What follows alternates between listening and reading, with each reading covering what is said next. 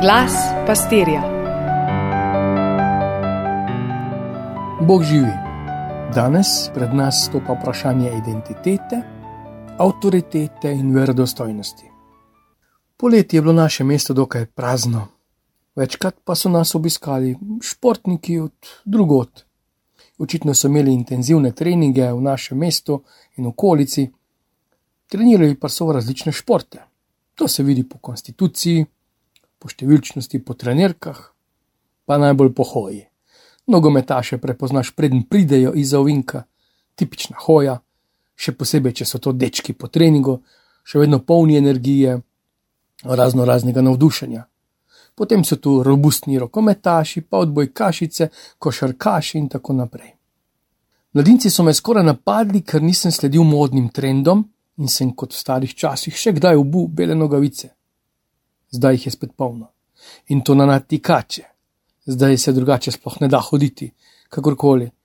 Ti športniki niso športniki zaradi Adidas ali Zeusove opreme, zaradi majice ali pulija, delno zatlačenega zahlače, zaradi zibajoče se hoje. Nekaj drugega jih dela nogometaše, športnike. Če jim vzamemo opremo, še bodo športniki bodo trenirali v no-name znamkah? Prepričan sem, večina, nekateri pa žal tudi več ne. Če jim vzamemo tribune in navijače, eni ne bodo to opazili, nekateri pa bi verjetno odpadli. Pa če jim vzamemo turnirje, ligaške tekme, hmm, to pa je že drugače. Ampak gotovo nekaj bi še ostalo, kaj pa če jim vzamemo še treninge, pa telovadnico, pa klubske prostore. Ja, ne vem. Toda oni še vedno imajo možnost, da se vrnejo k temu, zaradi česar so se pridružili športu. Imajo še vedno igro in ekipo. In igra in soigravci jih delajo to, kar sedaj so. Toda tekom časa se da biti tudi del nogometne ekipe, tudi če si recimo samo navdušena mama, katere sin igra v eni izmed lik, a ta je šofer, mama organizatorka navijačev. Lahko si tudi samo podporni član, plačaš članarino, kupiš klubsko kapo, čepico. Kako si lahko recimo gasilec na občnem zboru, gasilcev s paradno uniformo, plačano članarino. Vsekakor zvest udeleženec gasilskih povork in piknikov in kar je še zraven pa da ne bo kdo mislil, da se želim spotikati nad športnike ali gasilce in jim podobne. Nasprotno, hvaležen sem vsem tem, ki vsaj vedo, kaj so. Prvi bo še vedno na pravi nogi, ko preleti žoga, tudi če ne bo v dresu, in drugi bo preskočil na pomoč, tudi če ne bo požar, ampak zgolj sosed potrebuje pomoč, ker se mu je zlomila, recimo, lestev.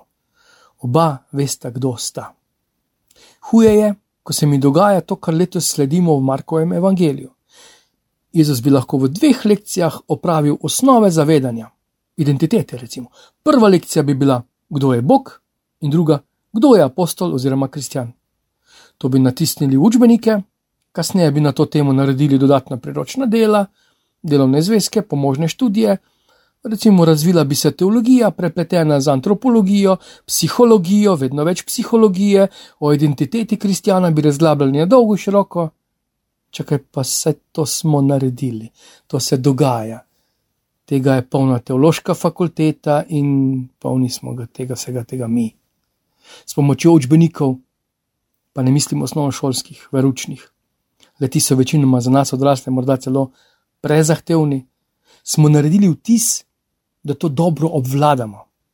Kakor smo sodili, da če bo v vsakem kraju gasilski dom, pa kulturni dom, pa igrišče in šola, pa pošta, pa bo to pomenilo, da smo na varnem pred požari, imeli bomo visoko kulturo in vsi bomo zdravi. Pokazalo se je, da lep stadion še ni zagotovilo, da bomo imeli dobre nogometaše. In isto število crkva in župnikov še zdaleč ne da bomo pobožno in sveto živeli. Kako, če še nam ne ratuje, župnikom? Pa malo bolj v današnjo božjo besedo. V skič in na vlaka nas ne dela to, kar smo. Pika. Spomnimo, da Jezus malo nazaj sprašuje, za koga ga ima okolica in kako nam gledajo njegovi učenci. Da bi to bilo potrebno za njegovo identiteto, da bi po nasprotovanjih dobil vsaj malo pohvale, ne verjamem. Ne pozabimo, da je štartal zelo jasno. Javno delovanje se je začelo samim preizkusom, kdo on je, hudič mu skozi podtika. Puščavi se, spomnite, če si božji sin, torej si ali nisi, kdo si. In je bilo kmalo jasno vsem ob krstu v Jordanu, ti si moj ljubljen sin. Ja, ta vem, itak vem. In prejšnjo nedeljo, ko smo preskočili ta kronološki dogodek na, na gori, spremenjeni na gori, spet, po tem postavljanju poti, ko on sebe imenuje pot, ko spregovori o neizogibnem trpljenju, o zanikanju, o smrti, se sopet zasliši iz nebes. Že to, kar je videti, je nezemljsko, ta, ta belina, ta je moj ljubljen sin. Če je ob krstu oče govoril sinu, ti si moj ljubljen sin, tokrat govori občestvu, cerkvi, ta je moj ljubljen sin. Da bi se tudi mi, kot sadike, vcepili na to trto, tudi krščanske identitete. Pa vemo, da v življenju ne gre tako. Gospa doktor, cigaret več ne pogledam, še po zimi se mi ne bo kadilo več z ust, meni ne. Ja, do prve skušnjave, do druge priložnosti in tretjega paca. In so takoj po spremenjenju na gori pisali katekizem močnega krščanstva. Kdo bo zgradil večjo crkvo ali več crkva, kdo bo lepše in boljše molil. Tu bi lahko Jezus zrohnel, kot tudi kasneje je, pa doklej vas bom še prenašal. Ampak tokrat je vzel samo otroka in ga postavil v sredo. Otrok je otrok če kaj je prisrčen in iskren. Pa te dni, ko se vrtimo okrog letnic, ko sem kot mlad župnik, okrog 30 let, učil veruk mena, veručenka vpraša, koliko pa ste stari? No in jaz njej, no ugani koliko, in reče 50. Nisem mogel verjeti, da je, da ti delujem 50. Kot da ona ve, kaj naj bi to pomenilo. Sem rekel, no, koliko? Reče 20. Tako, ja. In pomislim, ja, itek za njo so že tisti v devetem razredu velikani in stari. Pa za neko no en poskušaj, da malo bolj se potrudi. Malo starejši sem. In reče 70, pa smo kar končala. Ampak bila je vsaj iskrena. Te iskrenosti pa se poda tudi preprostost. Ne teološka izobrazba, niti ne moč vere, niti ne izkustvo čudežev otrok ni rad sam. Vse, kar se dogaja v cerkvi z veliko, se dogaja v občestvih. Ni čudežev, ki bi se dogajali za posameznika, tudi če nekdo čudežno zdravi, se ob njem morda spreobrne ali vsaj navduši še mnogo drugih več. Prerogba, ki jo nekdo podeli, se zlije na občestvo. Voditeljstvo enega pastirja se vedno dogaja v občestvu, znotraj cerkve tudi če zgleda, da ne hodijo z nami. In preko preprostosti enega ubogega kozarca vode. Ne znam spraviti skregane cepilce in necepilce. Zdi se mi, da smo vsi bolj kot eni sami cepci. Ne znam odgovarjati mnogim na dileme in težave, moralne, duhovne, lahko pa prisluhnem. Iskreno mi je težko, ko srečam koga, ki mu zaradi bolezni ali pa smrti ali pa izgube službe, da se mu je življenje obrnilo na glavo. Kozarec vode. Pa ne samo to. Morda ne samo moj kozarec vode njim.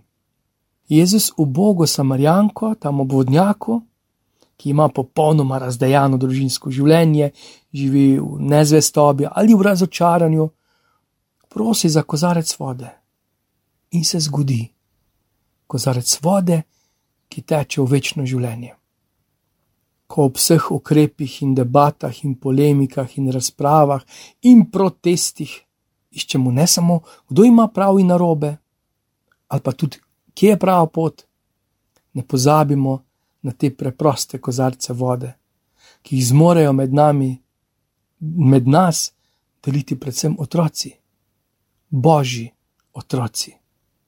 Vesel da smem deliti z vami ravno na današnjo nedeljo, ko praznujemo naše radživumovanje, bomo pili iz krstne vode in med se sprejemali naše katehumene, pa otroke v krstu, v Birmi.